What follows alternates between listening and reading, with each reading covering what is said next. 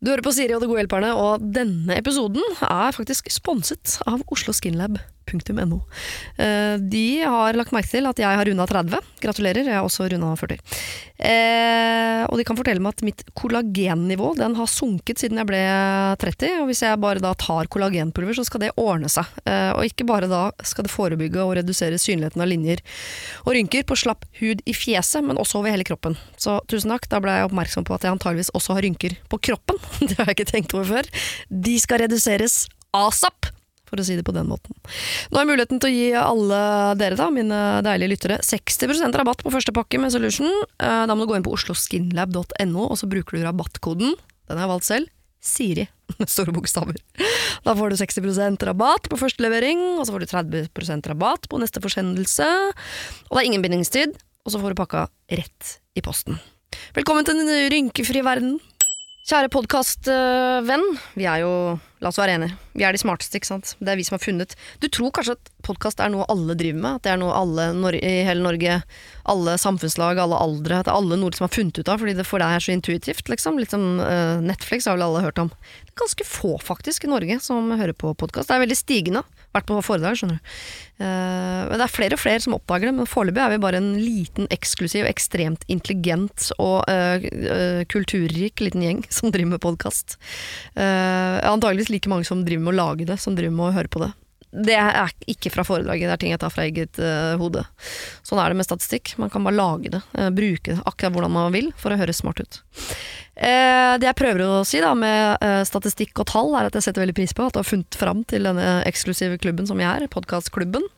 Det du skal få høre nå, er jo da Jon Almås og Synnøve Skarbø som prøver å gi så gode råd som mulig. Det er ganske sånn ikke tilbakeholdte, men nølende begge to. Det var ingen som liksom, De sloss ikke om å få det første ordet, akkurat som de liksom gikk litt sånn varsomt eh, frem. Eh, Jeg vet ikke om det var fordi de ikke kjente hverandre, eller fordi de var redd for å si noe feil, eller hva, men de, når de først begynner å prate, da, da er de veldig på. Men jeg måtte dra det litt ut av dem sånn innimellom. Eh, gode råd blir det uansett neste drøye timen, og husk at eh, dette programmet er jo eh, ukentlig. Så vi er klare for å gi flere gode råd enn de du får høre her. Altså. Hvis du har problemer, send dem til meg, sier Alfakrøll, radionorge.no. Kos deg! Siri og de gode hjelperne. Synnøve Skarbø og Jon Almås, altså. Eh, hvem skal jeg begynne med? Altså, du har en sånn spennende reise bak deg, Jon, og så har du, Synnøve, en spennende reise foran deg. Eh, og for ikke å være for kryptisk, så kan jeg si hva det er. Du har vært på 71 grader nord, eh, og du kan ikke si så veldig mye om det, men du kan vel si noe om uh, Syns du det var gøy med frisk luft? Eller, Ja, ja, det var veldig deilig med frisk luft, og det var gøy å se deler av Norge som jeg ikke har sett før. ja. Um, Fikk du sett Nord-Norge? Fikk du sett Nordkapp? jeg fikk sett deler av Nord-Norge. ja. Eh, men det er det jo mange som får, da. Jeg husker ikke hvor mange vi var da vi kom dit, men i hvert fall åtte stykker, tror jeg. Ja, for det går ganske kjapt fra, uh, fra Lindesnes og til man har liksom runda den største kuren på Norge der, og så er man oppe i nord. Ja. Ja. Det går jo i store jafs, åtte timers biltur og sånn. Mm. Så man forflytter seg, eh, og så ryker jo folk ut da etter hvert. Dveler ikke i Hedmark og Oppland, 71 grader nord. Der er det ikke så mye å finne på. Vi var en stund i Telemark, så vidt Ja. jeg husker. Ja. Uh, nei, men eh, så får vi se, da. Det er jo lenge til dette kommer på TV. I februar, tror jeg. Ja. Det jeg tipper, nå spør jeg på vegne av folket, og deg også, Synnøve, du er et nysgjerrig menneske. Uh, hvordan er du i forhold til å være en gjeng i telt, f.eks.? Jeg ser for meg at du uh, verner om privatlivet. Eller går det bra? Nei, jeg er, føler meg ganske jovial og omgjengelig. Ja. Jeg, jeg, har lite særheter og føler at jeg eh, kommer overens med de fleste. Ja. ja, Det er ikke det jeg er i tvil om. Jeg bare tenkte at du, eh, Når man er voksen, så liker man å ha litt tid for seg sjøl. Det er vanskelig i telt. Ja, det blir veldig Det blir tett og intimt. Det Hvor mange er dere i hvert telt, da? Vi er jo fem i en periode, og så ryker jo noen ut. Ja. Er Ligger dere fem tett i tett i tett, som sardiner, Ja, liksom? vi hadde veldig store telt, da. Dette var en prototyp på et helt nytt telt som vi kalte for Katedralen. Ja, å, Så jeg kunne jo stå inni der. ja. Å, jeg var to såpass. meter under taket, og så er det god plass til eh, fem stykker. Ja. Så hele laget kunne være der. Så. Da sov fire stykker på langs, og så én i fotenden. Hvem var det, om jeg får spørre? Det, ble jo, det var jo Erik Follestad en Ja. periode. Ja, Fordi han er lengst? Ja, fordi han ofret seg for laget, tok en for laget. Ja, så bra. Sånn er han. Ja. Du Synnøve skal ut på en reise. Du skal til Sør-Afrika sammen med Jan Thomas. Mm. Og skaffe han eh, kjæreste. Type, Ja. ja. Har du trua? Ja. Og jeg har sett Karsten. Å ja, er det Den er bra. deilig knippe menn? Ja. Ja. Bruker litt fysen sjøl som singel? Ikke på homofile, nei. Nei. Nei. Men du skal jo til Sør-Afrika, der er det jo også andre menn. Jeg har vært i Sør-Afrika som singel selv, så jeg ønsker jo Hva- ja, jeg ønsker deg en veld, veldig god tur. wink, wink fra andre. Ja. Er det noen som passer på deg der, eller er det bare du og Jan Thomas? Ja, det er et crew, da. Ja, det er det. Ja. Ok. Og hvor lenge skal dere være borte? Fire uker. Så det Ja, det er akkurat det jeg gruer meg litt til, faktisk. Å være borte i fire uker? Ja, ikke sånn på generell basis, men fra dattera mi. Ja. Ja. Har du forklart henne det nå? Mamma skal borte? Ja, mamma skal hjelpe en mann å finne seg en kjæreste. Ja. Hva sier hun da? Eh, nei, hun syns det er kult, hun, men hun har lyst til å være med. Ja, men Kan hun ikke fly ned en liten tur, da? Gå på skole, vet du. Ja, skole, Ja. ass! Men hvor er det dette skal sendes? Eh, på den kanalen der du jobber. Ja, er Ja. det det? Det har du fått beskjed om å spørre om, ikke sant? Fra Nei, det er sikkert. Eh, Altså, det er Discovery, eller jeg sier TV Norge. Er, Ja. Kaller vi det det jeg sier TV Norge, jeg. Ja, jeg med. Er det ikke det det heter? Ja. Ja. Så vi Alle skal vi på- er på TV Norge. Ja. Ja. Mm. Så spennende. ja, det er jaggu meg du med, ja. Ja, ja, vi er en gjeng her. Er. Herlighet. Dette programmet er presentert av oss videre, skulle man nesten tro. Men det er det altså ikke. Hei, dette er Siri. Send meg en mail på sirialfakrøllradionorge.no, og kos deg videre med Jon Almås og Synnøve Skarbø. Kjære dere. Her om dagen satt jeg og snakket med en relativt fersk kollega på jobb, og hun er veldig kul, og vi har blitt venner på superkort tid. Vi snakker om alt, og har gått ut noen ganger for å ta noen glass.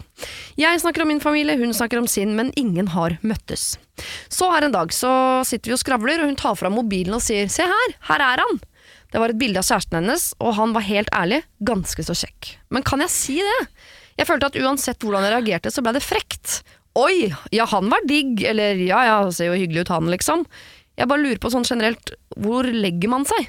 Sara. Skjønner dere problemet til eh, Sara? Nei. Jo, jo, har du ikke opplevd det selv? Når noen skal vise bilde av enten barna sine eller mannen, og så, så blir reaksjon du, Man veit ikke helt hva man kan si. Ja, hvis han var kjekk, så er det bare å skryte på. Er ikke det da? Ja, men altså det hun øh, frykter er jo at, uh, at hun som har den kjæresten skal være nervøs for at uh, hun da, kollegaen er på jakt etter mannen hennes. Men jeg, Ja. føler, jeg føler kanskje at dette er blant, et større problem blant gutter, eller menn da, enn Ja. kvinner. At kvinner, der skryter de gjerne av uh, andres kjærester, men menn, der skal man passe seg mer. Ja, Ja, for for Hvis da du hadde bilde av kona di til en ny kollega på jobb, og han hadde sagt sånn åh shit, hun var jo grisedeilig da, Jon. Nettopp. Så hadde du tenkt sånn, hold deg unna. Nei, da, nei det, da, da, man, da bruser man med fjærene. Da løfter nakkehårene seg med en gang. Og Ja. Og, man, og klørne kommer ut. Og man gjør seg klar til kamp. Ok. Ja. Ja. så det, du, tåler, du vil heller at det skal være sånn Å ja. Bare det er helt nøytralt. eh, ok. Ja. Ja, ok. Ja, så det er det som er eh, kona di. Ja, ok. Ja.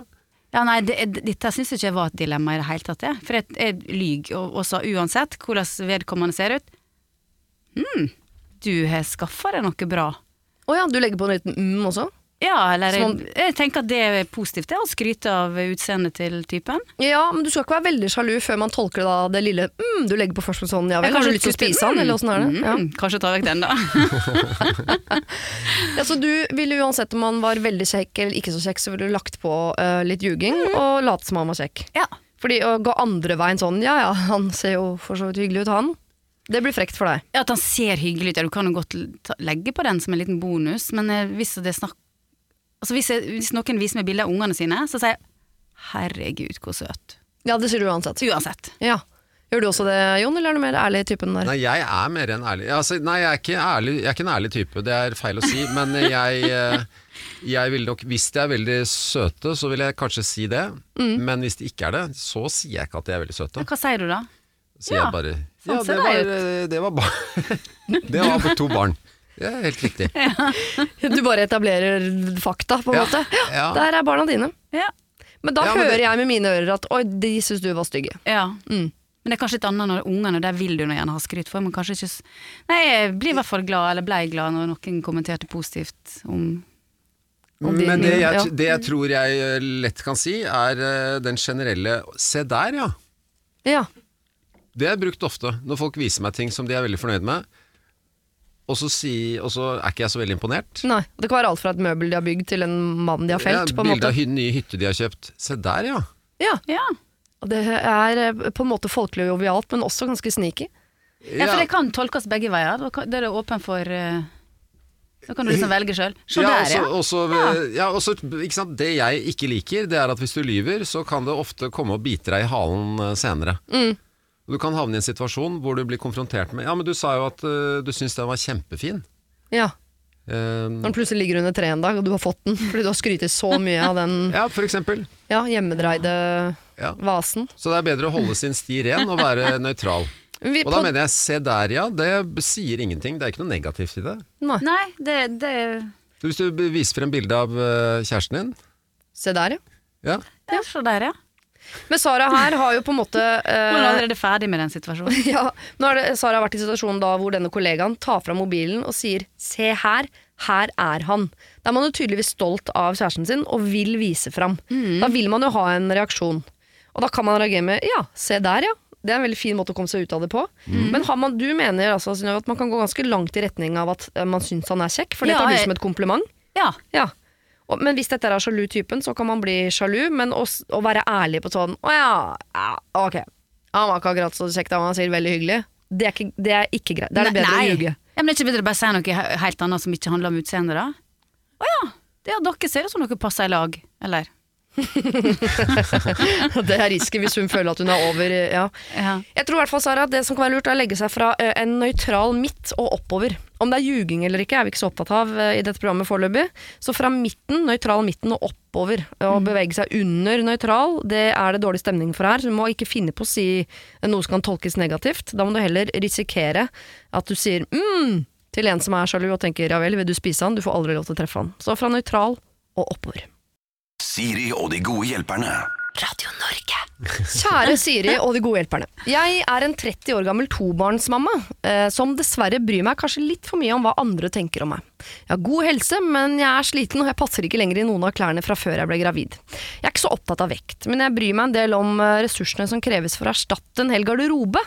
I tillegg ønsker jeg å bevege meg mer i hverdagen, slik at jeg får litt energioverskudd og alenetid. Jeg har derfor tenkt at det kunne vært ok å gå ned i vekt. Problemet mitt er at jeg blir så usikker på meg selv når jeg får kommentarer som Oi, nå ser du bra ut, har du begynt å trene? Nå må du ha gått ned i vekt. Det er antageligvis ment godt, men det er bare det at jeg syns sånne kommentarer er super ubehagelig. Og frykten for å få det gjør at jeg nå heller dasser rundt i tights og joggebukse mens jeg trøkker i meg kjip mat og beveger meg minimalt. For det er jo ingen som tør å kommentere at jeg går opp i vekt eller ser dårlig ut. Jeg vil ikke ha det sånn. Så eh, kan jeg si til venner og familie noe som får dem til å ikke kommentere mitt utseende? Kan jeg reposte masse kroppspositivisme på sosiale medier, må jeg bare tåle disse kommentarene? Erfaringen tilsier at de kommer uansett. Kanskje er det jeg som må jobbe med meg sjøl for å slutte å bry meg så mye om hva andre tenker om meg. Og PS, jeg tenker også på barna oppi dette. Jeg vil at de skal bli trygge i sine kropper, og da blir jeg så irritert når folk kommenterer kropp og utseende mens de hører på. De skal i det minste få slippe presset rundt sine nærmeste. Kall meg Frida. Kan man få samfunnet, eller i første omgang de rundt seg, til å slutte å kommentere kropp? Også i positiv Altså, retning? for, det, er, det er veldig komplisert eh, problemstilling. Ja. For at hun ønsker å gå ned i vekt, og så når hun gjør det og får positiv eh, feedback på det, Nei, det så liker hun ikke det. Nei. Nei, nok en gang så skjønner jeg ikke problemet. Nei. Er ikke det bare bra, da? Å få eh, hyggelige meldinger om at 'oi, nå ser du bra ut'? Er vel bare, bare positivt? Eller? Ja, men det er de som, driver, de som tenker for mye, de tenker da at 'å ja, ser bra ut nå'? Da, det vil si at eh, jeg så ikke bra ut før, og hvis jeg ikke Ja. klarer å opprettholde denne vekten og går tilbake til den jeg hadde, seks kilo mer, Mm. så betyr det at da ser jeg ikke bra ut. Sånn at de vil ikke ha noen type kommentering av sin vekt. Det er det de snakker om her. Jeg vil ikke høre noe om noe rundt min vekt og min person. Jeg tror heller det Ja. går på at det er, og det er sikkert uh, veldig vanskelig for alle oss tre å sette seg inn i, men det er noen mennesker som ikke ønsker oppmerksomhet. det må vi bare godta. og jeg tipper at Frida er en sånn, hun vil ikke ha den oppmerksomheten på hverken om hun har gått den ene eller andre veien. Hun vil på en måte kunne bare bevege seg fritt rundt med kroppen sin uten at det skal bli en sånn øh, ting som folk driver og snakker om, da. Tipper Jeg forstår veldig godt det hun sier med at hun ikke har lyst til at folk skal kommentere det foran ungene. Du vil ikke, liksom få med, at, du vil ikke at de skal få med seg at du prøver å gå ned i vekt, eventuelt. Men er det nei, Kanskje hun kan legge ut noe på Instagram? Men er det, dette virker som at det gjelder først og fremst eh, venner og familie. Ja. Det er ikke av ukjente man får dette her, men det er liksom eh, når hun er hjemme hos mor og far, eller eh, Altså, det er, det er nærmeste omgangskrets. Det er nærmeste. altså Han gjøken som plystrer etter deg på gata, han får vi ikke stoppa. Han kommer til å være gjøk, liksom, så det får vi ikke gjort noe med. Men mor og far og venninner Nærmeste venninner. Ja. De kan jo vel si det rett ut til. Ikke kommenter. Nå prøver jeg å komme i form her. Ikke kommenter det herfra. Snakkes i mai. ja. Men kan man gjøre det uten å virke beklager Frida, men litt grann gæren? For jeg er sikker på Hvis jeg har sagt til en venninne sånn Oi, nå så du veldig fin ut. Har du... Ja. Og hun hadde glefsa tilbake, så tror jeg jeg tenkte sånn Åh, hæ, hva skjer her nå? Jeg prøver jo faktisk bare å være hyggelig. Ja. Og det er det som virker litt rart, akkurat det derre at man glefser når noen kommer med noen positive ting. Ja. Spesielt når hun har lyst til å føle seg mer vel. Ja. Men er det noe man kan svare da? Fordi eh, jeg altså, noen ganger syns det kan være ubehagelig å få komplimenter. Jeg merker selv, Hvis noen sier sånn 'Å, fin genser', så svarer jeg 'kjøpt den på salg'. Eller altså man Ja, prøver å liksom ja, nøytralisere. ned, ja. Skjønner hva du mener. Mm. Og det, vi er ganske mange i den klubben der, og jeg tipper Frida er æresmedlem. Mm. Eh, er det Ja, noe altså, man kan men- si tilbake som er nøytraliserer? Jeg husker at eh, jeg, altså jeg har alltid eh, mislikt eh, å ha nye ting. Ja. Og når jeg fikk eh, liksom, ny jakke og sånn i ungdomsskolen, syntes det var veldig pinlig å ha den på. Ja. Ønsket ikke noe oppmerksomhet rundt uh, at nå har jeg fått uh, Moren min hadde kjøpt en dunjakke i semsket skinn Ja. i Italia. Melé? Var det Melé? nei, nei, nei, det var ukjent, uh, ukjent fabrikat. Ja. Og den luktet veldig. Eh, skinn. Geit, liksom. Ja. Ja, Ja. Eh, så det var ikke tvil om at den var av skinn, for å si det sånn. Men den også gruet jeg meg veldig til å gå med, for jeg ønsket ikke noe oppmerksomhet rundt meg og den. Men, Nei, men da må du, du ha masse forståelse for Frida. Hun vil ikke ha masse oppmerksomhet rundt at hun har uh, gått ned. ja, men. Syns du den var stygg eller fin? Jeg syns den var ganske fin, men jeg ønsket ikke noe sånn Nei, eh, du vil- jeg, du jeg vil- mener at hvis noen sier Hvis jeg har nye sko Jeg kjøpte meg en jeg er en av de siste til å få meg hvite sko nå. Ja. Ikke sant? Alle har jo Jeg har det ikke på meg i dag. Nei. Alle har jo hvite sko. Jeans og hvite sko. Ja. Og så, når jeg skulle ha det Jeg gruet meg til å ta de på, for jeg vet at når jeg kommer, så blir det sånn Oi! Nye sko! Nye hvite sko. Jeg vil bare være en mann med hvite sko. Jeg vil ikke at det skal kommenteres. Nei, den ser jeg. det tar det på en måte litt ned. Samme med nyklipt. Så flaut. Det er så ydmykende å være ny, kort i luggen og litt sånn Ja, men se, nå har dere de samme erfaringene som Frida. Hun vil få lov til å være tynn uten at det skal bli noe som kommenteres idet hun kommer inn i Ja, rommet. ja, For det syns ja, hun er forstår jeg ukomfortabelt. Det er super ubehagelig, sier hun. Ja, men det, hva med en, en, en kompromissløsning? For at det nå, b- b- altså, nå går hun med joggebukse og s- svære klær og spiser bare drittmat. Mm. Men hva om hun eh, holder seg i form, går ned i vekt, men allikevel går med joggebukse og svære klær så ingen ser at hun går ned i vekt? Skjuler det. Litt sånn som i American College-filmer. På slutten så kaster hun brillene og Ja, for da blir i hvert fall ikke den prosessen så lang, hvor Nei. hun stadig får nye komplimenter for, for hvert gram som går, men at hun uh, kler seg ut som uh, Kler seg ut som tjukk lenge, Ja. og så plutselig en dag, ut. når hun er i mål Ja. I, Så tar Istedenfor å gå rundt liksom, så Hvis du går ned, går ned 1,5 kilo, så er det ut og kjøpe nye bukser og åle seg rundt og leke deilig, og så, men så skal ingen kommentere det. Nei, det blir litt rart, ja. Ja. Ja. Bedre å spare, det kandis, spare på kandisen til, til hun er ferdig. ja.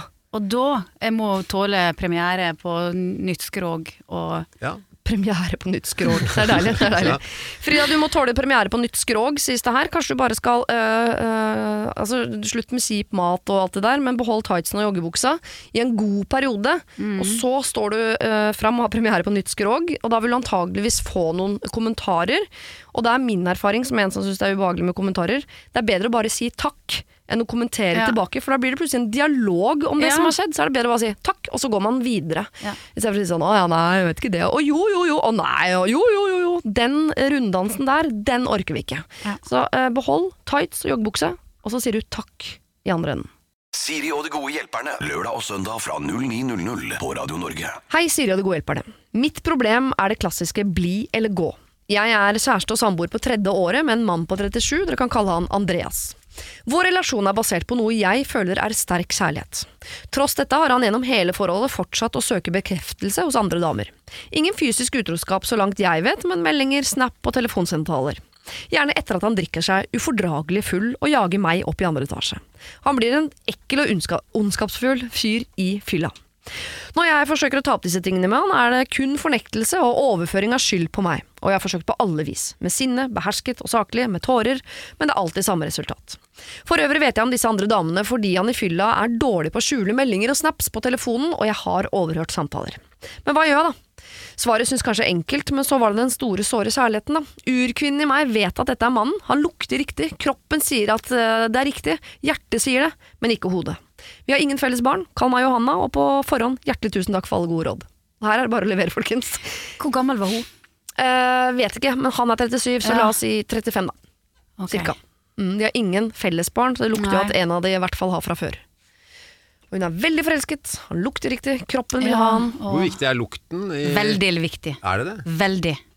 Er det det? Ja, for det har jeg hørt forskere si, men det er aldri sånn at jeg har tenkt det selv, og han lukta riktig, men kanskje han bare gjør det. Ja. At det er som en parfyme, når du ikke lukter den, så er det Ja, riktig. det, det skal ikke, det, jeg mener ikke sånn mm, Å, her lukter det hest, topp eh, stemning. Det må bare, du bare merker at det er noe deilig. Men er det, kan det være en kjøpt lukt, eller er det Nei, den nei, naturlige det snakker om kroppslukt. Ja, ok. Ja, Ja, Inn i nakkegropa og kjenne, så vet du med en gang. Er det vinn eller forsvinn? ja. Um, åh, Jeg har lyst til å be deg lukte i nakkegropa til Jon, men du skal få slippe. Du skal få slippe. Hva Eh. syns du om han Andreas, er basert på det lille vi vet? Nei, han høres ut som en drittsekk. Ja. Han gjør egentlig det, men um, Ja, så går det an å si at det til Andreas sitt forsvar, uten at det egentlig er noe Det er jo ikke noe godt forsvar, men i fylla ja, ja. så kan man jo gjøre dumme ting uten at det er egentlig sånn man er.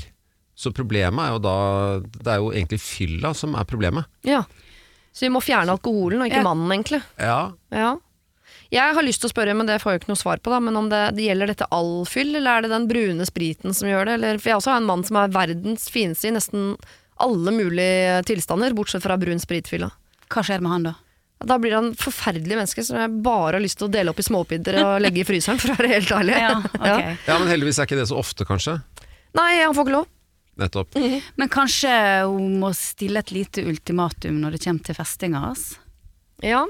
Men hun har jo forsøkt å ta opp ting med han, og da er det fornektelse og overføring. Og hvis han er en fyr som blir drittsekk i fylla og fornekter i edru tilstand, kommer han til å bli med på en sånn, et forslag om å legge bort flaska? Eller? Nei, men jeg, jeg lurer også på Er han helt topp når han er edru? Er hun veldig fornøyd med forholdet sånn som han er da? Det virker som om hun er i hvert fall utrolig forelsket i han og veldig veldig glad i han. Så, og da Ja. må jo det være den tiden han ikke er full. At han på en måte er den typen som gjør det med henne. Ja, Vi må jo ta det for gitt at alt er tipp topp utenom de episodene der. Ja. Både, altså fra begge, fra begge hold. Ja. Men hvis hun legger fram til øh, du blir øh, grusom, øh, ondskapsfull fyr i fylla, jeg vil faktisk at du slutter å, å bli så full. Men blir han en grusom og ondskapsfull fyr? Ja, det står det. Ja, men de tingene som hun har referert til er jo ikke grusomme og ondskapsfulle, annet enn at han småflørter litt med noen ekskjærester og sånn. Er det ikke det han driver med? Var, vel, var det eksa? Var ikke det litt sånn kreti og pleti? Litt kreti og pleti. Han jager meg opp i andre etasje. Så det er ikke noe sånn at han skjuler Det virker som han er sånn Nå er jeg full! Nå må du gå opp i andre etasje! Jeg skal snappe med andre damer. altså, Ja, det er det han gjør. Altså, det, han er uh, veldig direkte. Det er sånn ut. Jager henne opp i annen etasje. ja. Allerede der har vi et problem. Altså Hvis det er et forhold hvor den ene lar seg jage Hvis den ene jager den andre rundt i huset, Ja. Mm. så har vi et problem. ja. Hva gjør vi med det problemet, da? Men hvis det, det er ikke lov å løse det med at øh, hun kanskje skal finne seg en annen Jo, det er lov. Å ja. Ja. Jeg jeg ville kanskje tatt en runde til en terapeut først. Prøv det. Ja. Med han eller uten han? Ja, med han. Ja. Selvfølgelig. ja. At han, han må nå forstå at dette her påvirker henne veldig. Mm. Det, er ikke noe, det er ikke en bagatell i hennes sitt liv, selv om han kanskje føler at å, men herregud, dette betyr nå ingenting. Dette er bare litt sånn uh, uskyldig moro i fylla. ja. For hun er ikke det det. Nei. Men hvis det betyr ingenting, og han, han ikke er utro og er, ikke er sammen med andre, det må vi også ta for gitt der. For hvis han hadde vært det, så hadde det vært, øh, da er det ikke liv laga for det forholdet. Nei. Så i så fall så er jo dette bare egentlig en uvane, nærmest. På Ja. samme måte som å gamble f.eks. i fylla. Da, at man kommer hjem, har drukket litt, og så, eller at man går inn på TV-shop, øh, hvis det fins. eller sånn Nettshopping fins i hvert fall. ja, Ja. handle ting på nettet, liksom. Eller øh, spille poker i fylla. Altså, Ja. Han har da en annen hobby, og det er at når han er full og kommer hjem fra fest, så liker han å liksom eh, snappe og sende meldinger til Andre og damer. Og Andre snakke damer. med andre. Han gjorde vel det også, sa ikke det? At han snakka på telefonen. Ringer og snakker på telefonen. Jeg tror jeg ville vært mer lei meg hvis jeg våkna en søndag morgen og øh, min mann lokføreren øh, hadde på en måte kjøpt seg andre damer enn andre sko. På en måte. Jeg hadde foretrukket nettshopping da, framfor Ja. Ja, men, det, ja, ja, men det, det jeg mener er at siden det bare er en antagelig er bare en uvane, så kan Ja. det være ganske enkelt å få han fra det. Ja. Ja. Eller så må hun bare finne, eh, godta at sånn er han, og slik blir livet med han. ja, det tror jeg nesten er mest nærliggende. Eller så må jo hun gjøre han så uh, trygg på den kjærligheten med henne, at han ikke trenger bekreftelse fra andre damer. For det handler jo om det der søken etter bekreftelse fra folk, er jo en usikkerhet. Hvis du kan få Ja, det er en bort den. slags avhengighet. Men nå sto det med noe annet. Kan man svare med samme mynt, da? Kan man teste ut det? Ja. Blir verden Er bedre av det? Nei, ja. Eller så kan han få se hvordan det føles. Ja. Hva med litt hevn? Ja. Jeg er veldig glad i hevn, men jeg, bare begynt, jeg hører meg selv si til barna mine Selv om søstera di er slem, så trenger ikke du også bli slem, for da er vi dobbelt så slemme. Da er vi to som er slemme istedenfor én. ja, det er fort gjort at det, det, at det blir en slags virvelvind uh, ut av det, og Ja. en tornado. Ja. Men likevel, skal Ja, hun sitte og ta imot alt dette her? Da? Nei, Bare det sånn, ok, så var det, ble det slik, var det slik livet mitt blei. ja. Nei, jeg sy og jeg syns heller ikke at hun skal eh, på en måte påta seg skylden her, og at det er hennes ansvar å gjøre han trygg. Sånn at Nei, han ikke skal enig. søke bekreftelse hos andre. Det er, altså, her er det duket for en uh, samtale Mm. uh, hvor hun sier 'hør her, dette må ta slutt, ellers så gidder jeg ikke være sammen med deg lenger'. ja, så ultimatumet. På en måte. Ja, det mener jeg. Ja, ja. Hvis man ikke kan være sammen med en fyr som holder på med det, og han velger å holde på med det, Mm. så er det ha det. Ok, Johanna. Da legger jeg bort mine forslag, og så går jeg for de to jeg syns jeg hører klarest fra uh, helgens gode hjelper. Og det er at uh, enten så må du ta hevn og gi tilbake med samme mynt og se om det fungerer. Eller så må du gå fra han fyren der, for han, selv om han lukter godt, så er jeg helt sikker på at det er en hel del andre menn der ute som også gjør det. Eh, eller så må du sette deg ned nok en gang og ta denne samtalen med han og gi han et ultimatum på at hvis han ikke slutter å være en ondskapsfull fyr i fylla, så må han slutte med fyll, eller så må han se til H og komme seg ut av deres felles hjem.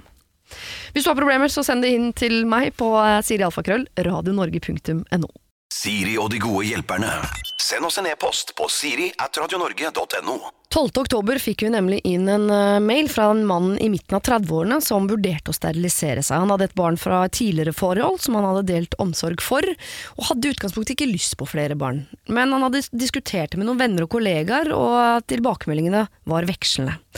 Noen mente at hva hvis du møter drømmedama og hun får lyst på barn, var en av kommentarene han fikk eh, oftest. Det var noe vekslende tilbakemeldinger han fikk også her hos Siri og de gode hjelperne, og du skal få høre noen av dem. Dette er da altså Solveig Kloppen og Geir Fredriksen fra TV 2. Ja, eh, hvis han gjør, eh, gjør folk gravide både med kondom og p-piller, Ja. så, Så så, tror jeg han må kappe av hele stellet, Mm. rett og slett. Jeg tror bare han er først og fremst redd for at han har vært på en date, ramla utpå, og så plutselig er han far med en kvinne han ikke skal ha i livet sitt engang. Oh ja, kan man det? Kan man Ja, det reversere kan det? man. Ja. Ja. Oh, ja. Og funker det alltid? Går det alltid, liksom? Oh, Eller tenker han at det er et alternativ å gjøre det, men ikke si det, da? Ja, for det er, Det altså, igjen tilbake til. Exit. Det ser jo ikke ut Nei, som en god plan, men Nei. Bruk Ja. kondom, da. ja, bruk kondom. Mm. Det er rådet vi gir. Kysse. Dette var noe av det vi diskuterte, i hvert fall, rundt dette med å skulle eventuelt sterilisere seg. Solveig Kloppen, Geir Fredriksen og jeg. Vil du høre det hele, så må du laste ned podkast fra 12. oktober, altså en uke siden. Vi har fått inn en tilbakemelding, ikke fra mannen som ønsker å sterilisere seg, men fra en gutt på 35 som er midt oppi det hele, som kommer med litt eh, kunnskap. For det eh, hørte du kanskje, at det var ikke mye Solveig Kloppen, Geir Fredriksen og jeg kunne om dette. Refertilisering koster fra 30 000 kroner og oppover privat, og det gjøres ikke lenger i den offentlige sektoren, da det er liten sjanse for at det skal fungere. Sjansen for at refertilisering fungerer minsker jo lenger man har gått steril. Men det man kan gjøre, er å gå til legen som et par for å hente ut celler hos gutten. Dette er, så vidt jeg vet, gratis i det offentlige, men for å gjøre det må det være en enighet mellom begge parter. Derfor er det vanskelig å holde dette, altså steriliseringen, hemmelig om det, det er noe gutten prøver på. Med vennlig hilsen da denne gutten på 35 som er midt oppi det hele. Tusen takk, jeg setter pris på eh, tilbakemeldinger, jeg setter pris på at folk lærer meg ting jeg ikke kan, eh, og det kan du også gjøre. Er det noe du vil eh, kommentere, så send det gjerne inn. Da bruker du samme mail som man sender problemer til for øvrig, sier iallfallkrøll radionorge.no. Nå skal vi gjøre Madonna, dette her er Into the Groove. Siri og de gode hjelperne. Send oss en e-post på siri at radionorge.no. Jeg pleier å spørre mine gode hjelpere om hvordan de er, enten som mor eller far eller kollega kan jeg spørre om, Uh, veksle litt på. Og i dag så tenkte jeg å spørre dere om hvordan dere er som uh, venn. Kan vi begynne med deg, øh, Jon. Hva slags venn er du? Hva setter du pris på hos dine venner? Har du venner?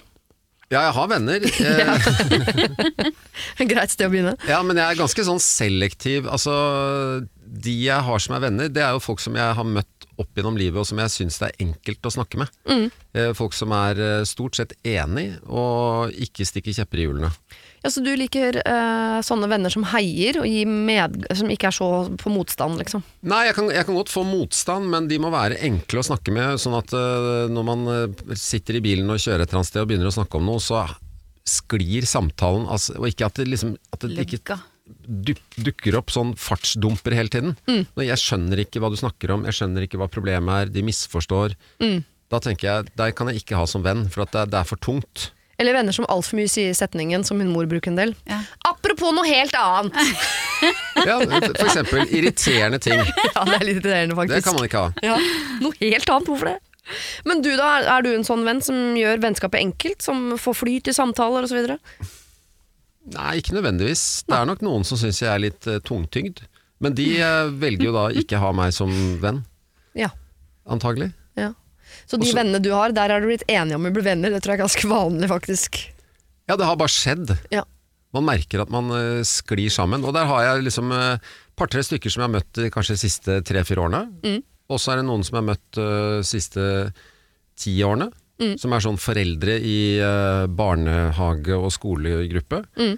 Og så har jeg noen fra ungdoms, ungdomsskolevenner, og noen uh, sånne barnevenner fra seks-syv-årsalderen. Men er du sånn som tekster med vennene dine? Gjett hva som skjedde i dag. Ha, ha, ha, Har dere felles chattegruppe, for eksempel, på Ja. Messenger? Nei, nei, Nei. sånn holder jeg ikke på. Men vi, barndomsgjengen, vi er åtte stykker som vokste opp i samme gate.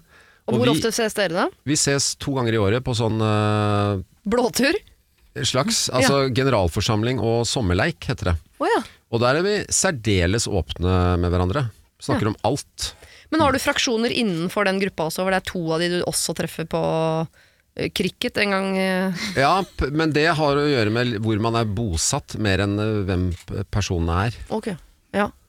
Og det, Noen, noen bo, de bor rundt omkring på Østlandet. Altså noen, en bor i Tønsberg, en bor i Drammen. Og, det er vanskelig å treffes på en sånn fast basis. Skjønner. skjønner.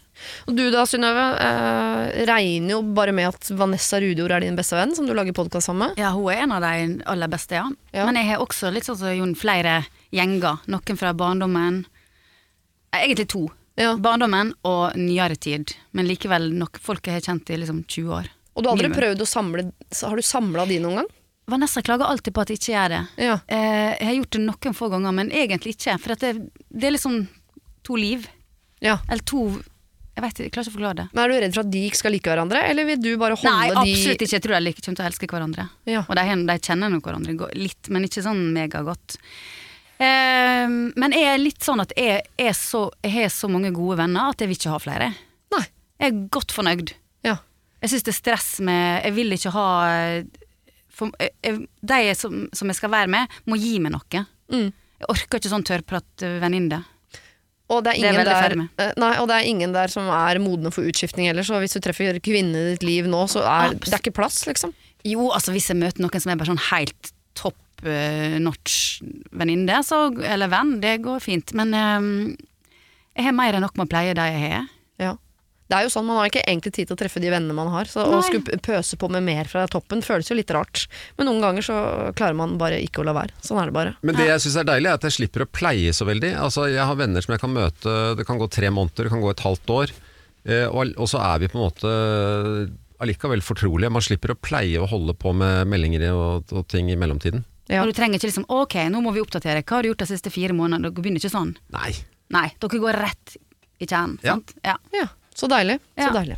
Da har vi et eh, lite inntrykk av hvordan eh, Jon og Synnøve er som eh, venner på hver sin kant. Har du venneproblemer eller andre problemer, så send det gjerne inn. Da bruker du altså min mailadresse som er uh, sirialfakrøll, radionorge.no. Radio Norge. Hei, Siri og de gode hjelperne. Jeg har et forferdelig ilandsproblem, og jeg skjemmes for å spørre om dette, men jeg er rådvill. Typen skulle vise bilder fra en guttetur, og idet han uh, trykker seg ut av bildene, så så jeg også de nyeste bildene hans, og det kunne se ut som bilder av forlovelsesringer. Hjertet hoppet av glede, samtidig som jeg måtte skjule hva jeg tenkte, og her kommer det usjarmerende problemet mitt. Det var flere bilder av sølvringer. Jeg er jo en gulldame, og ikke hvitt gull engang, jeg er en gult gulldame. Tilleggsinfo, jeg eier kun tilbehør i gult gull, og har aldri Nei, jeg har alltid hintet om at jeg vil ha ring i gult gull. Spørsmålet er, hvordan går jeg fram for å få en forlovelsesring i gult gull? ta i betraktning. Jeg er redd for å hinte om gull dersom ringen er kjøpt allerede. Jeg er også redd for å hinte om forlovelsesring dersom jeg misforsto. Dette var bilder med en helt annen baktanke. Han har to søstre han kan ha kjøpt smykker til. Pluss at jeg vil jo ikke at han skal forstå at jeg aner mistanke, og, derfor, og dermed så er øyeblikket ødelagt. Jeg har god kontakt med moren og vurderer om det er en mulig måte å hinte på, men jeg er redd for å virke usjarmerende. Hilsen en som vil svare ja, uansett om det blir sølv eller gull, altså. Jeg kaller henne for ja-dama. Jeg kan ikke være sølv. Ingen som kjøper giftering i sølv? Det er forlovelsesring, da. Ja, ja, men likevel ikke sølv. Det er Eller hvitt gull, da. Ja, ja, jeg tror det må være Det må vel være eh, hvitt gull, tror ikke du det? Jeg kan ikke noe om sånt. Jeg vil Ja, men sølv det koster liksom 150 kroner. Ja. Men må det være så veldig dyrt? Ja. I hvert fall, hvert fall dyrere enn 150. Vet du hva, jeg, jeg eh, det, lagde forlovelsesring Smidd eh, hva av? av korken på en champagneflaske. Du, du Fridde du i champagnerus på uh, ad hoc en kveld, eller hva? Skjedde? Nei, nei men dette blir, det er kanskje litt annerledes. Det, det er ikke sikkert at eh, jeg, jeg skjønner at andre kanskje er mer opptatt av eh, jewelry enn det Og jeg ikke er, så du Jeg- trenger ikke opplyse. Det må bli Synnøve. Jeg er ikke opptatt av det i det hele tatt. Kunne fridd med uh, klippet av den øverste strikken på en kondom for alt jeg bryr meg. om. ja, er det det er jo ganske Ja. romantisk, Ja, det er egentlig. ikke så dumt, kanskje. Eh, nei, hvordan skal hun få sagt det? Ja, for det er jo et Jeg, jeg skjønner Ja. jo problemet. Det er det samme som hvis du ser en, altså ser en julegave mm. før jul, og så ser du at det er noe du ikke ønsker deg, eller noen Ja. har kjøpt feil. Og så og så må du få bytta det før eh, Ja, og så skal du. I tillegg Ok. må du da liksom eh, Du må røpe at du har snoket i sakene, Mm. og i tillegg er du utakknemlig. Ja. Ja. ehm, Men jeg mener jo, altså det er jo et eh, Det er jo litt, det er en grad av uforskammethet her, eh, å være så opptatt av gull Ja. ja. at du Det er litt Men det, så det må Gollum. du svare Ja. for, Synnøve. Altså, Nei, men jeg, jeg- jeg kan ikke se viktigheten av det, egentlig. Jeg er fornøyd med den ringen. ja, men Hvis hun er veldig glad i, i gult gull og har snakka om det alltid, så syns jeg det er rart at han ikke har fått det med seg mer. da Ja, men Er det en grunn nok til å gå fra ham? Nei. Hun svarer ja uansett om det er sølv eller gull. Ja. Så det må vi ta med oss. Men jeg tenker jo sånn, ok, du kan få en stygg genserjul, du trenger ikke å bruke den hele tida. Men hvis du får en forlovelsesring, Ja, du er- svarer ja, så må du gå med den ringen hver dag fram til du uh, gifter deg. Og hvis du syns sølv er stygt, da, så kan en stygg ring på fingeren hver dag i potensielt to år bruker folk. 14 år har jeg hørt om at folk bruker fra de forlova seg til de gifter seg. Ja, men hvor stygg kan den være? Er det mulig at en ring er så stygg at Nei, man den er sikkert helt nydelig, og det er helt sikkert ikke sølv, det er nok hvitt gull. Ja, Eh, men hvis hun er helt eh, dilla på gult gull, ja. så kan jeg lure på om hun kanskje Kan hun liksom sitte og bla i blad og vise Å, sjekk, her er en sånn ring jeg ønsker meg hvis jeg skal gifte meg en gang. Ja, Hint, hint. ja. Tror du ikke han skjønner det da? At han tenker sånn, nå, men- Ja, det Nå hvor du det, liksom. er. Ja. Ja, men Hvis han bare tenker å ja, det er sånn ring, ja. Det er en rund sak med noe blinkende Blank, oppå. Ja, ja. altså, det er, man Ja. får ikke med seg nødvendigvis detaljene i hva som er det viktige med den ringen. Ja. Kan hun skryte av en eh, venninne på jobben og sånn Å, Klara i kantina forlova seg, vet du. Og så hadde hun var så stolt av ringen og sånn. Jeg, bare, jeg syns den ringen var så støy. Jeg var sølv. Hallo, hvem er det som vil ha sølvring, liksom? Ja, ja, det er jo det hun må gjøre, da. Hvis det er, han- og så kle, ta på seg alt det gullet hun har, og så gå rundt og rasle med det og snakke om 'fy fader, jeg elsker gull'. Ja, Det er ganske er så sjarmerende. deilig. Det er veldig sjarmerende trekk. jeg elsker bare gull. Ja, eller jeg kan si, hva skal jeg jeg skjønner bestemt meg for, for nå? At fra nå av så skal jeg bare matche alt. Det skal Ja. være gult gull fra topp til tå. Tåringen med alt skal liksom kjøres i gull. Jeg er glad jeg ikke har noe av Ja, selv. ass. ja. Eller, Ja. Jeg skal Hvitt bytte gull. kobberspiralen min jeg, nå til gull. Alt skal være gull. Ja. Ja, hva med å bare mm, Mora la kan- det ligge, vente på et frieri, glede seg over For de må ikke ødelegge det øyeblikket. Hvis han får mistanke om at hun vet osv., så, videre, så forsvinner da, Og så blir frieriet sånn Ja, du har vel allerede skjønt det, vil du gifte deg. Uh, jeg ville bare venta det ut, og hvis det er en uh, hvit gullring, ha den på, være glad, kose seg med det. Ja. En måned senere si sånn Går det greit om jeg får den forgyllet til gull? ja, eller denne passer ikke helt. Er det greit om jeg Jeg betaler mellomlegget, altså, men er det Ja. greit at jeg bytter den til gult gull? Hva ville du tenkt om hva, Tenker Ja, du som mann der borte? da? såret? Eh, nei, det tror jeg ikke jeg ville blitt såret over. Nei. Er det greit tror bytter ikke- om denne champagnekorken til en ordentlig ring? De, de fleste menn som er og handler ring, føler jo at de er på litt gyngende grunn uansett. Ja. De aner ingenting om hvorvidt denne faller i smak. Nei. Kanskje han bare blir glad. Ah, takk og lov, for nå har jeg lurt så veldig på hva jeg skal velge. Ja, vær så god, bare bytt i vei. Ja. Hvis han er som menn flest, så tipper jeg at det kanskje er reaksjonen. Ja, og da er vi inne på dette med at uh, det som er sant, er alltid best. Mm. Så, men eh, innenfor rimelighetens grenser. Sånn at det ikke kom i forkant og si at eh, 'jeg så noen bilder på mobilen din', jeg går ut fra at du antagelig har kjøpt ikke sant? Vent til det skjer, og så sier du at 'den var kjempefin, jeg elsker deg, vil gjerne gifte meg med deg', men eh, kan vi bytte den ringen? Ja. Enig. Vær ærlig, men vent litt. Ikke vær ærlig nå. Du må bare vite at du skal være det en dag, den dagen han frir. Kanskje ikke det er en sølvring engang. Kanskje eh, han gikk for gull, men tok bilde av sølv, eller et eller annet. Så det ikke skap et problem som kanskje ikke er der. Men hvis han frir en dag, så kommer du til å bli glad. Du kommer til å si ja. Og er det hvitt gull, så kan du etter noen dager, uker, måneder, etter hva det passer seg, så spør du om ikke det er greit at du bytter den, eller forgyller den i gull. Siri og de gode hjelperne. Hei, Siri. Jeg har et problem, eller det er mer et spørsmål. Uh, er man som forelder nødt til å stille opp på alt det barna er med på, og da mener jeg fotballkamper, forestillinger, sesongavslutninger, tilstelninger, andre uh, foreldrearrangementer osv. osv. Altså, lista er lang. Jeg er tobarnsmor på 43 og bruker all fritiden på barnas fritidsaktiviteter eller aktiviteter generelt. Jeg høres sikkert, sikkert ut som verdens verste mor som spør om dette, som men helt ærlig, må jeg møte opp på alt? Hilsen Surfisen, kaller hun seg. Heter hun en mann? Sikkert. At vi kan splitte opp 50-50? Ja, jeg deler litt på det. Ja. Men altså fritidsaktiviteter fritidsaktiv... eh, Ramse opp igjen hvilke aktiviteter vi snakker om. Fotballkamper, forestillinger, sesongavslutninger, tilstelninger, andre foreldre arrangerer osv. osv. Ja, det er litt sånn finale Ja, altså Det er ikke veka. treninger, det er snakk om det er kamper og Men altså, jeg, før, før i tiden så Mm. måtte man jo ordne seg selv. Og da, ikke sant, når jeg begynte med fotball, så syklet jeg til fotballtrening, og vi spilte kamper, og foreldrene var ikke med på det i det hele tatt. Bortsett fra den ene dagen de måtte kjøre. Mm. Da kjørte de. Men nå er jo, står jo foreldrene på sidelinja på treninger og følger med. Ja. Og så får han litt dårlig samvittighet når han ikke gjør det. Ja, ikke sant? Så det har, jo, sånn- det har jo gått over alle støvleskaft. Ja. Ja, jeg er litt enig i det. Men et, altså, når teaterforestilling, sånn avslutning og sånn, da syns jeg det, da, da er det oppmøteplikt. Ja, på de der uh, sesongavslutningene på Ja, for det var det jeg forsto litt av sånn. Dattera di er uh, Ja, synger tingeling i Peter Ja. Ja, Men problemet er at alt dette kommer jo ofte samtidig. Ja. At det er liksom, det er, Mai er jo helvetesmåneden. Mm. Og desember. Ja, for da er det avslutninger og forestillinger på alle aktiviteter. Ja. Og da mener jeg at man må kunne dele seg. Ja. Ja det, det- ja, det må han. Men det går ikke an å ikke møte opp, at ingen møter opp. Det syns jeg ikke. Nei, og da må du heller holde, altså holde barnet unna aktiviteter.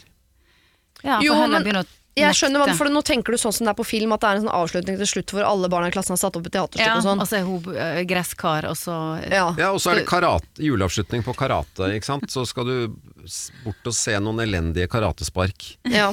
Helt talentløse barn, ikke sant. Ja. Jeg tenker at Man trenger jo ikke å være med på alt, men jeg tenker at man skal være med på en del ting. Og kanskje man kan spørre barna sånn Hva er det viktigste for deg at jeg er med på? For det er jo Altså går jo et hakkende skjør på noe tidspunkt der med eh, disse avslutningene. Og jeg bare har merka noen ganger når vi er på disse avslutningene med våre barn, de merker jo ikke om vi er der, så lenge de har eh, De flyr jo rundt med vennene sine, og er det gøy at det bare er et eller annet som skjer, og så får de eh, penger til noe langpanne sjokoladekake, er Altså, de har det jo kjempegøy. Jeg er helt sikker på at de kunne tatt smygeren hver eneste gang uten at de hadde merka det. Ja, men det er litt aldersbetinget. For at når de er små, så er det sånn. Men etter hvert, når de begynner å bli kanskje sånn 11-12-13, så er det litt stas at foreldrene er der. Å ja. Å ja. Det er en ja. Ja. Men all, altså, alle fotballkamper, alle sesongavslutninger, alle tilsyn, må, man- må man være med på alt? Nei, det er derfor man må sile ut. Altså Fotballkamper må man jo ikke være med på. Nei, men nei. for det er nå i helgene, ikke det da? Jo, Da ja, nei, ikke nødvendigvis. Ja, det er i ukedagene òg. Ja. Er det det, ja? Nei, Men sånn- det er vel Kan ikke han få med seg alt av. Man må sile bort Altså avslutninger kan man dra på En av partene drar på, ikke begge. Mm. Mor kan dessverre ikke i dag. Far drar. Ja. Det er Ja. jo helt greit. Ja. Men i løpet av veka så går det an å rullere, sette sammen ei gruppe foreldre i, som, som bor i samme område, Mm. og så går det på omgang. Ok, nå er det du som tar med alle ungene, neste veke det er Ja. Ja, Man skjemmer jo også bort barna med at La oss si at det er 30 barn på en aktivitet, Mm. og, eller i en skoleklasse, og det er to foreldre på hver. Det er 60 stykker, eventuelt med besteforeldre, som skal heie og hoie og det er, jo, ikke sant? Det, er, det er jo mer enn det er på en gjennomsnitt sånn standup-kveld i Oslo. Absolutt. Ja, Ja. Og hvorfor skal du gi barna liksom en falsk forhåpning om at uh, hva enn du gjør i livet, så kommer det til å stå rundt 100 mennesker og juble og applaudere? Ja, og så må man også tenke at det er en del av de barna som ikke er så glad i at det står 100 mennesker rundt og applauderer absolutt alt du gjør. Ja. Men det er litt ekstra stas når foreldre står der Ja. for ungene. Det er det. Det er ikke til å komme forbi. Ja, men ikke, ikke, ja, trening sier hun ikke her, men ikke på, på trening må vi Nei. slutte. Det må vi slutte med. Ja. Men da kan man si at det er ekstra stas for en standup-komiker òg, at det er fullt hus og at alle jubler. Ja. Men noen ganger er det bare, sitter det bare åtte stykker i lokalet.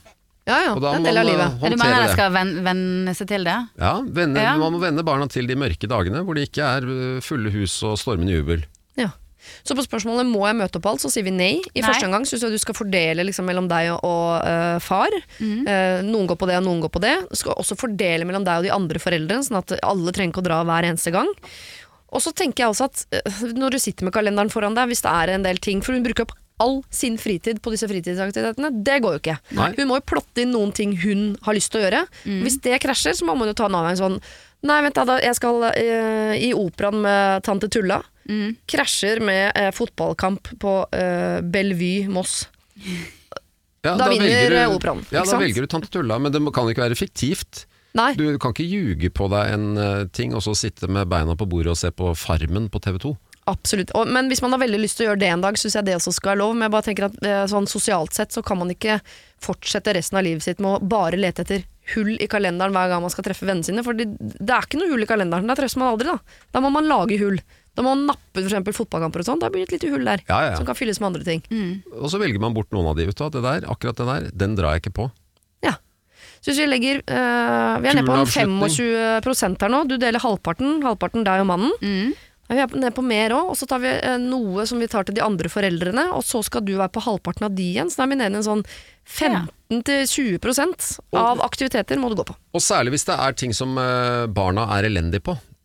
Nei, For man har jo hatt uh, Er det da man skal skal gå, eller ikke gå? Ikke gå, da trenger oh, du ikke gå. For da, da vet barna har ikke så veldig behov for at du er? Hvis det er sånn en av Det er 120 barn som går på gymnastikk, Mhm. og barnet ditt suger. Ja. Da er de der, ikke sant? De, ikke sant? de kan spise kake og drikke brus og gjøre greiene sine, men det er, ikke- du må ikke dra dit. Men hvis de er veldig flinke og har lyst til å vise deg noe, da kan du stille opp og ja. Jeg har nesten tenkt motsatt. eh, ja, ja. altså, er det motsatt. dårlig, så må du være der og heie. Ja. I hvert fall hvis de er lei seg fordi de er dårlige. Da må Ja. du stå der og heie. De der flinke Ja, gutta de får nok er- oppmerksomhet. De klarer seg sjøl. Ja, men Ja. da lærer du barna dine at uh, uansett hvor ræva du er, så står folk og jubler. Og det gjør de ikke senere i livet. Ja, Nei, men hva slags aldersgruppe snakker du til nå? Jeg tenker sånn 6, 7, 5, 6, Jeg snakker hele livet. Ja.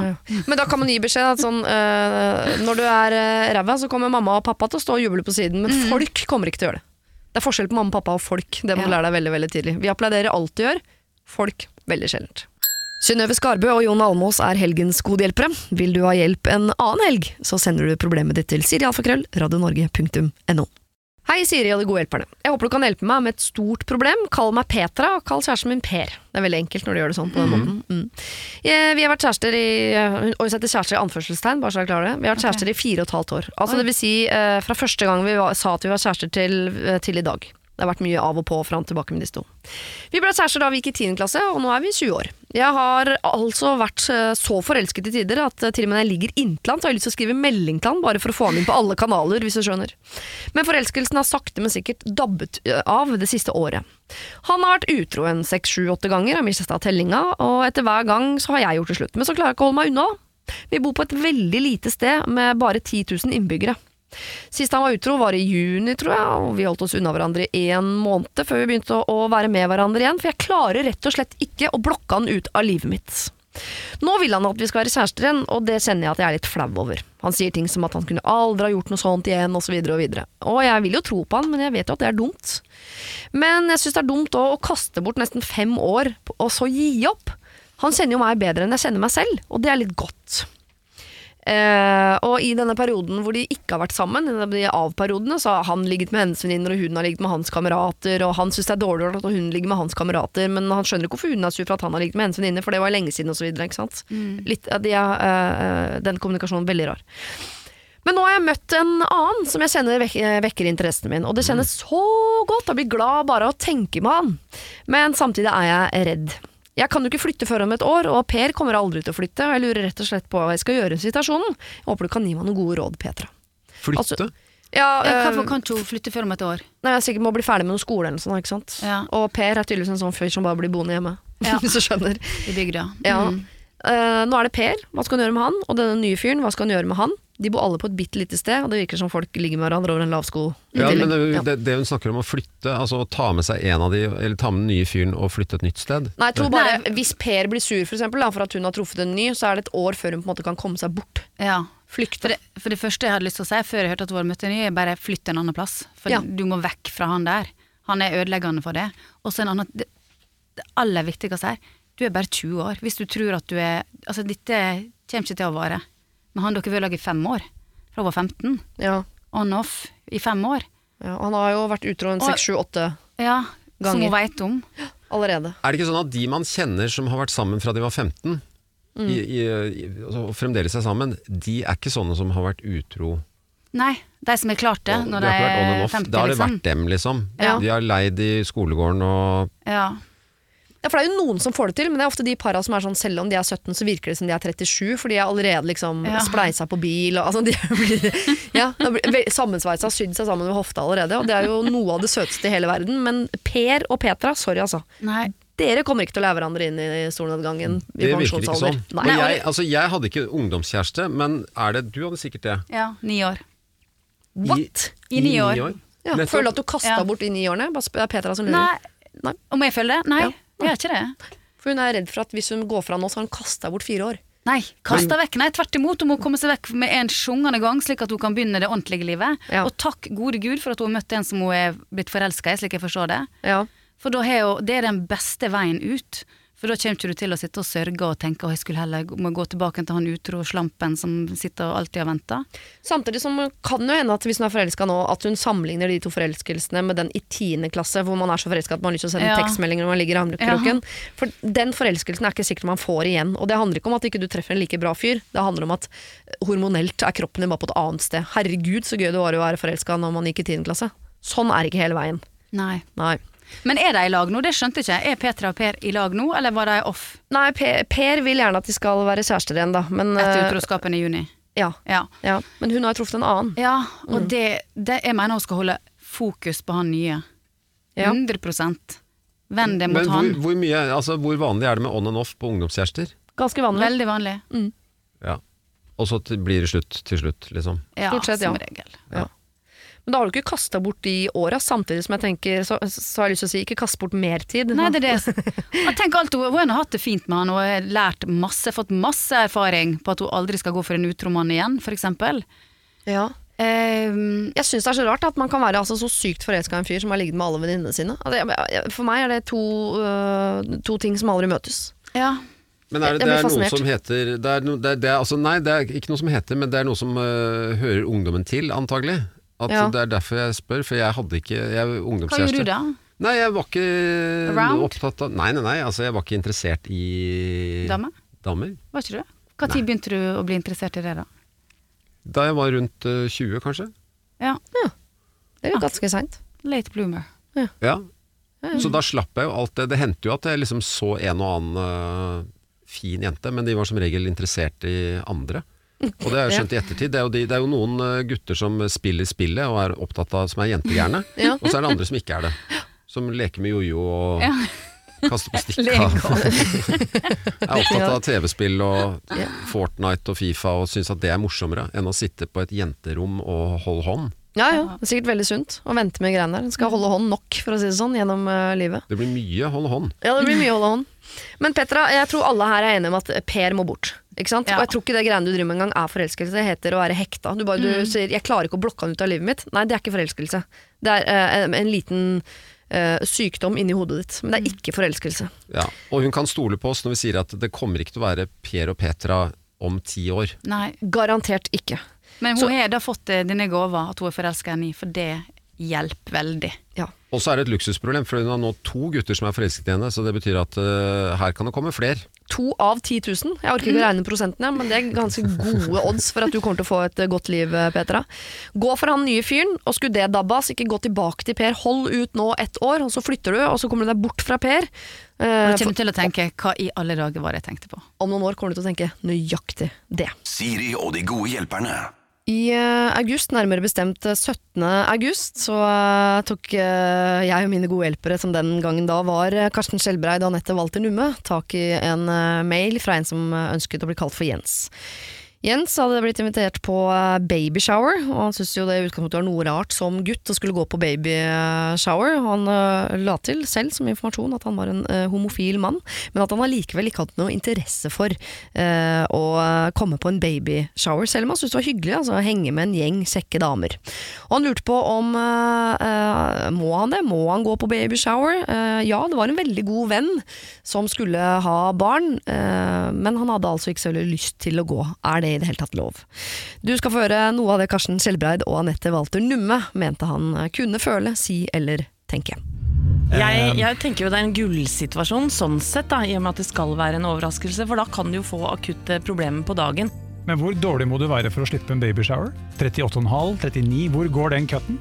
Jeg tenker jo at uh, mange homofiles eh, nådegave er jo å tulle, eh, kunne tulle og være ganske frekk. Det kommer jo litt an på hva slags tone disse vennene har.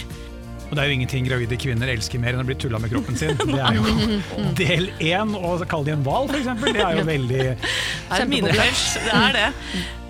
Altså Enten ljuge på seg en mageskjev, eller Ja. kjøre diskrimineringskortet, spør du meg. Dette var altså noe av det Karsten Skjelbreid Anette Walter Numme Det er ikke ett og samme menneske, altså. Karsten Skjelbreid og Anette Walter Numme mente kunne være lurt. Vil du høre problemet i sin helhet, må du laste ned podkast fra 17. august. Har fått en ny mail fra denne Jens hvor han skriver Hei, Siri, Anette og Karsten. Tusen takk for gode råd. Jeg har hørt klippet flere ganger og reflektert mye rundt de siste dagene. Tidspunktet for babyshoweren nærmet seg med stormskritt, og jeg ble mer og mer usikker på om jeg skulle gå. Samtidig så skammet jeg meg litt for å ikke ville dra, men øh, den hjalp dere meg med. Nettopp fordi øh, du sa øh, Nei, fordi du sier har den kontante holdningen til fenomenet babyshower. Jeg dro allikevel. Tungen på vektskåla ble eh, det dere sa om at jeg burde lide meg gjennom det én time for en av mine beste venner. Dessuten var lærbarene stengt da dette var på en hverdag. Babyshoweren tok ikke akkurat en time, det bare varte og rakk. Og midt imellom de gravide der satt jeg, den lettere utilpaste, hårede Bridget Jones-skikkelsen som jeg er, og spiste pastasalat og cupcakes i et inferno av pynt, gaver og bleiekaker. Anette nevnte noe om eh, homofiles nådegave, at det var frekkheten vår, og jeg tenkte jeg skulle sette den litt på prøve. Så til den vordende moren kjøpte jeg sprit, kondomer, revneolje, hemoroidekrem krem og fødebleier. Anette hadde også rett i at eh, det ikke er et eh, kvinnefellesskap en mann, eller noe annet levende vesen for den saks skyld, trenger å bli dratt inn i. Så i samtale prøvde jeg å si sånn Jeg har lest litt om babyshowers på nett, og det er ikke vanlig at menn er med. Nå føler jeg meg skikkelig dust som er her, liksom. Babyshower nummer én er et tilbakelagt kapittel, og neste gang en invitasjon dukker opp, så skal jeg sørge for at jeg må på jobb. Så igjen, tusen takk til uh, uh, Tusen takk. Til helgen skal jeg på lærbar og ta en skål for mor og baby i den rammeste outfiten jeg har. Hilsen Jens. Åh, her kan man altså få hjelp med hva som helst, og når du får hjelp, så setter vi veldig pris på disse tilbakemeldingene. For vi investerer jo litt av eh, hjertet vårt i deg. Så har du fått hjelp, så send oss gjerne en mail og fortell oss hvordan det går. Siri Alfakrøll, radionorge.no. Siri og de gode hjelperne. Send oss en e-post på siri at radionorge.no. Hei, jeg er en jente på 22 som bor i kollektiv med fire andre. I kollektivet er vi alle bundet til å bo til august 2020. Nå har vi bodd sammen en stund, og jeg merker allerede at en av de jeg bor med, må jeg ha litt ekstra is i magen når jeg er rundt. Han er en som pirker, øh, og som skal studere alt ned til minste detalj. Han har en mening om det meste, han er alltid hjemme, han kan finne på å bare surre rundt mens jeg lager mat, og har absolutt ingenting annet å gjøre enn å sette på kjøkkenvifta på et høyere nivå enn det jeg allerede har satt den på, osv. Han kan komme bort til meg på fest foran mine venner og kommentere ting han ikke liker at jeg gjør, og det syns jeg at det er litt snålt og kanskje litt frekt å gjøre. Han kan finne på å sette på musikk høyt hjemme mens flere sitter og gjør lekser. Men når for eksempel øh, jeg er på rommet mitt, får jeg ikke se på serier med mindre jeg har det på absolutt laveste lydnivå på PC-en. Han har også til og med kommentert at jeg bråker for mye når jeg lukker vinduet på rommet, når jeg ikke gjør noe med denne lyden, for øh, vinduet er gammelt og det knirker av seg selv. Jeg er en ryddig person som ikke tar så mye plass, det er ikke noe problem å bo med de tre andre, men han her begynner å komme meg på nervene. Oppsummert synes jeg at han er en smålig person uten toleranse for lyd fra andre mennesker. Jeg er konfliktsky, jeg vet ikke helt hvordan jeg skal håndtere han, men er det noe jeg kan gjøre her ute å konfrontere? Jeg trenger sårt tips på hvordan man kan håndtere sånne mennesker, eh, eller hvordan jeg kan lære meg å leve med å bli pirket på. Dere kan kalle meg for Ane Rikke, og min roomie for Sjur Fitje. Artig dame, da. Anne Rikke og Sjur Fitje. Ja. Kan hun lære seg Skal vi begynne der? Kan hun lære seg til å leve med en som skal pirke på absolutt alt hun gjør? Altså Dette høres jo ut, nesten ut som en variant av meg. Oh, ja. Han, uh, Han? Sjur Fitje. Ja, ja. Er du sånn som når kona eh, For mannen min gjør også det hvis jeg står, koker noe, for eksempel, og det er jeg som lager mat når vi skal ha selskap, så skal han alltid komme og sette et nivå høyere eller lavere. Eller sette på når den ikke står på. Ja, ja, ja, ok. Men, Hvis kona har begynt å steke noe, og så har hun ikke satt på vifta, så setter jeg den på. Ja. Ja. På to. Viftemester. Ja. ja. Blir hun irritert? Ja, det blir nok irritert av det, ja. Ja. Men Så man kan lære seg å elske en mann som man syns er irriterende? Så kanskje Eh, ja. Anne Rikke og Sjurfitja kan bli eh, sammen, til og med? Da. Ja, men det, er det som er med de som pirker, da, hvis jeg kan snakke Jeg, jeg kan ikke alt han Jeg setter ikke på høy musikk, der er jeg ganske var eh, selv, så jeg, jeg prøver å ikke plage andre. Eh, men eh, de som pirker, som jeg da kan representere, de har jo ofte en følelse av at det jeg sier er jo sannheten, Ja. eh, og derfor kan jeg si den. Ikke sant? Ja, altså, Du dette kan jeg bedre inn- enn deg, du trenger hjelp. Aktig. Nei, altså det er, jo, det er jo riktig. Du kan ikke gå inn med uh, vinterstøvler, uh, for at du har jo masse snø på støvlene. og Hvis du går inn på parketten med det, så blir parketten ødelagt. Ja. Og så har jeg rett i å si at uh, ikke gå inn med vinterstøvler. Eller at du, hvis du legger nøklene der, Mm. så blir de borte. Fordi at når noen åpner den skuffen og lukker den igjen, så detter det ned bak skatollet. Derfor er det bedre å legge de nøklene, henge de på den kroken som det er meningen man skal henge nøkler på. Men du Ja, er på så- sitt lag du nå?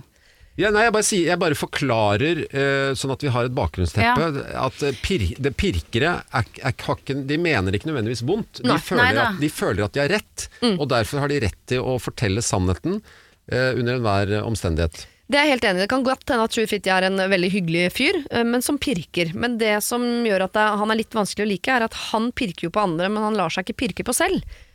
Ikke sant? Han kan sette på høy lyd, men når andre Ja. gjør det, er det feil. Ikke sant? Så- Så det høres ut som Hvis det skulle vært deg, da, eh, Jon, så ville du klaget på at de andre gikk inn med vinterstøvler, men du går med vinterstøvler inne. Ja, og det kan nok ha skjedd det òg, men da er det sånn at da har det, Men da er det en grunn til at jeg skal gjøre det, fordi at jeg gjør noe som er, kommer fellesskapet til gode. F.eks. at man skal handle, og så har, man glemt hvor, hva man eh, mangler i kjøleskapet, og da, skal, da går man jo inn for altså, Ja, Og så er det bare fem minutter til det stenger, så hvis ikke du hadde gjort det så, og så Det er jo for fellesskapet. Ja. Så man eh, unnskylder egne blemmer og pirker borti andres. Ja. Eh, men jeg tror også at pirkere de er jo i bunn og grunn, som jeg sa, opptatt av sannheten og det som er riktig. Mm. At det går på en måte en hovedvei som er den hovedveien alle bør kjøre, som består av de riktige tingene å gjøre. Mm. Ja. Eh, og hvis du selv, hvis du påpeker at hallo, du gjør, jo, du gjør jo ikke det selv, du gjør jo sånn, da tror jeg at pirkere aksepterer det og sier nei, det har du, det har du sannelig rett i. Det var jeg ikke klar over.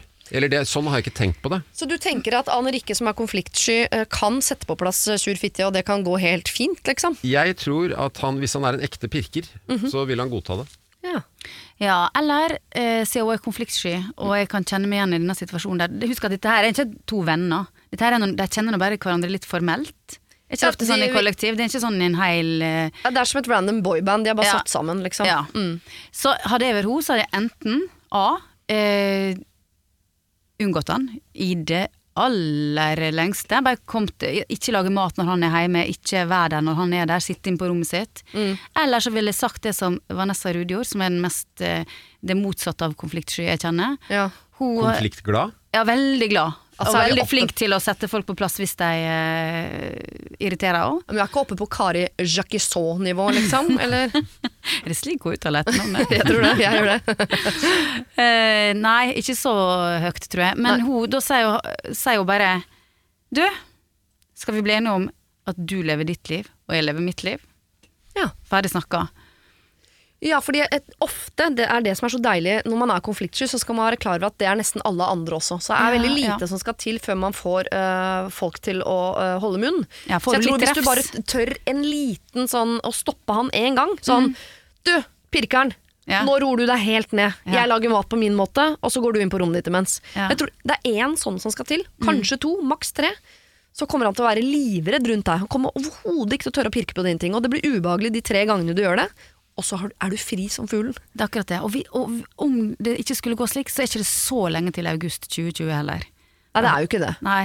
Ja, og jeg, og jeg, som sagt, jeg tror pirkere er opptatt av sannheten og tåler å høre det. Sånn at dette kan, det er ikke sikkert det blir en stor konflikt. Nei. Det kan være en aha-opplevelse for pirkeren. Sånn som det er de gangene jeg har blitt eh, pirket på. og da- Tilbakepirket. Tilbakepirket. Ja, hvordan takler du det da? Nei, det er det sånn, ja, oi, sånn hadde jeg ikke sett på det. Jeg trodde jeg hadde perfekt løsning på alt, men uh, der har du rett. Det var faktisk eh, Ja, det, der gjorde jeg en feil. Åh, jeg tipper den dagen kona di gjorde det, var ganske deilig for hun. Ja, det, og det har skjedd mange ganger. Men som regel tar hun, tar hun feil, da. Ja, ja. Eh, Anrikke, det er det du skal gjøre, selv om det er konfliktsky. Så bare tenk at det er sikkert tjur fitti også, så du må bare ta én eller to eller tre for laget. Eh, det blir litt ubehagelig, men på andre siden der så blir det utrolig deilig. For tjur fitti tror vi er en pirker av eh, Jon Almaas rang, og da er han lydhør for tilbakepirking. Da kommer han til å slutte med det. Eller så syns han det er så ubehagelig at han bare eh, ror seg baklengs inn på rommet sitt og blir der til august 2020. Dette var siste problem for denne runden, eh, folkens. Jeg må si tusen takk til eh, deg, Jon Almås, for at du har vært min gode hjelper denne helgen. Og til deg, Synnøve Skarve, for at du også har vært min gode hjelper denne helgen. Deil, deilig å få Ha rydda opp. Siri og de gode hjelperne. Lørdag og søndag fra 09.00 på Radio Norge.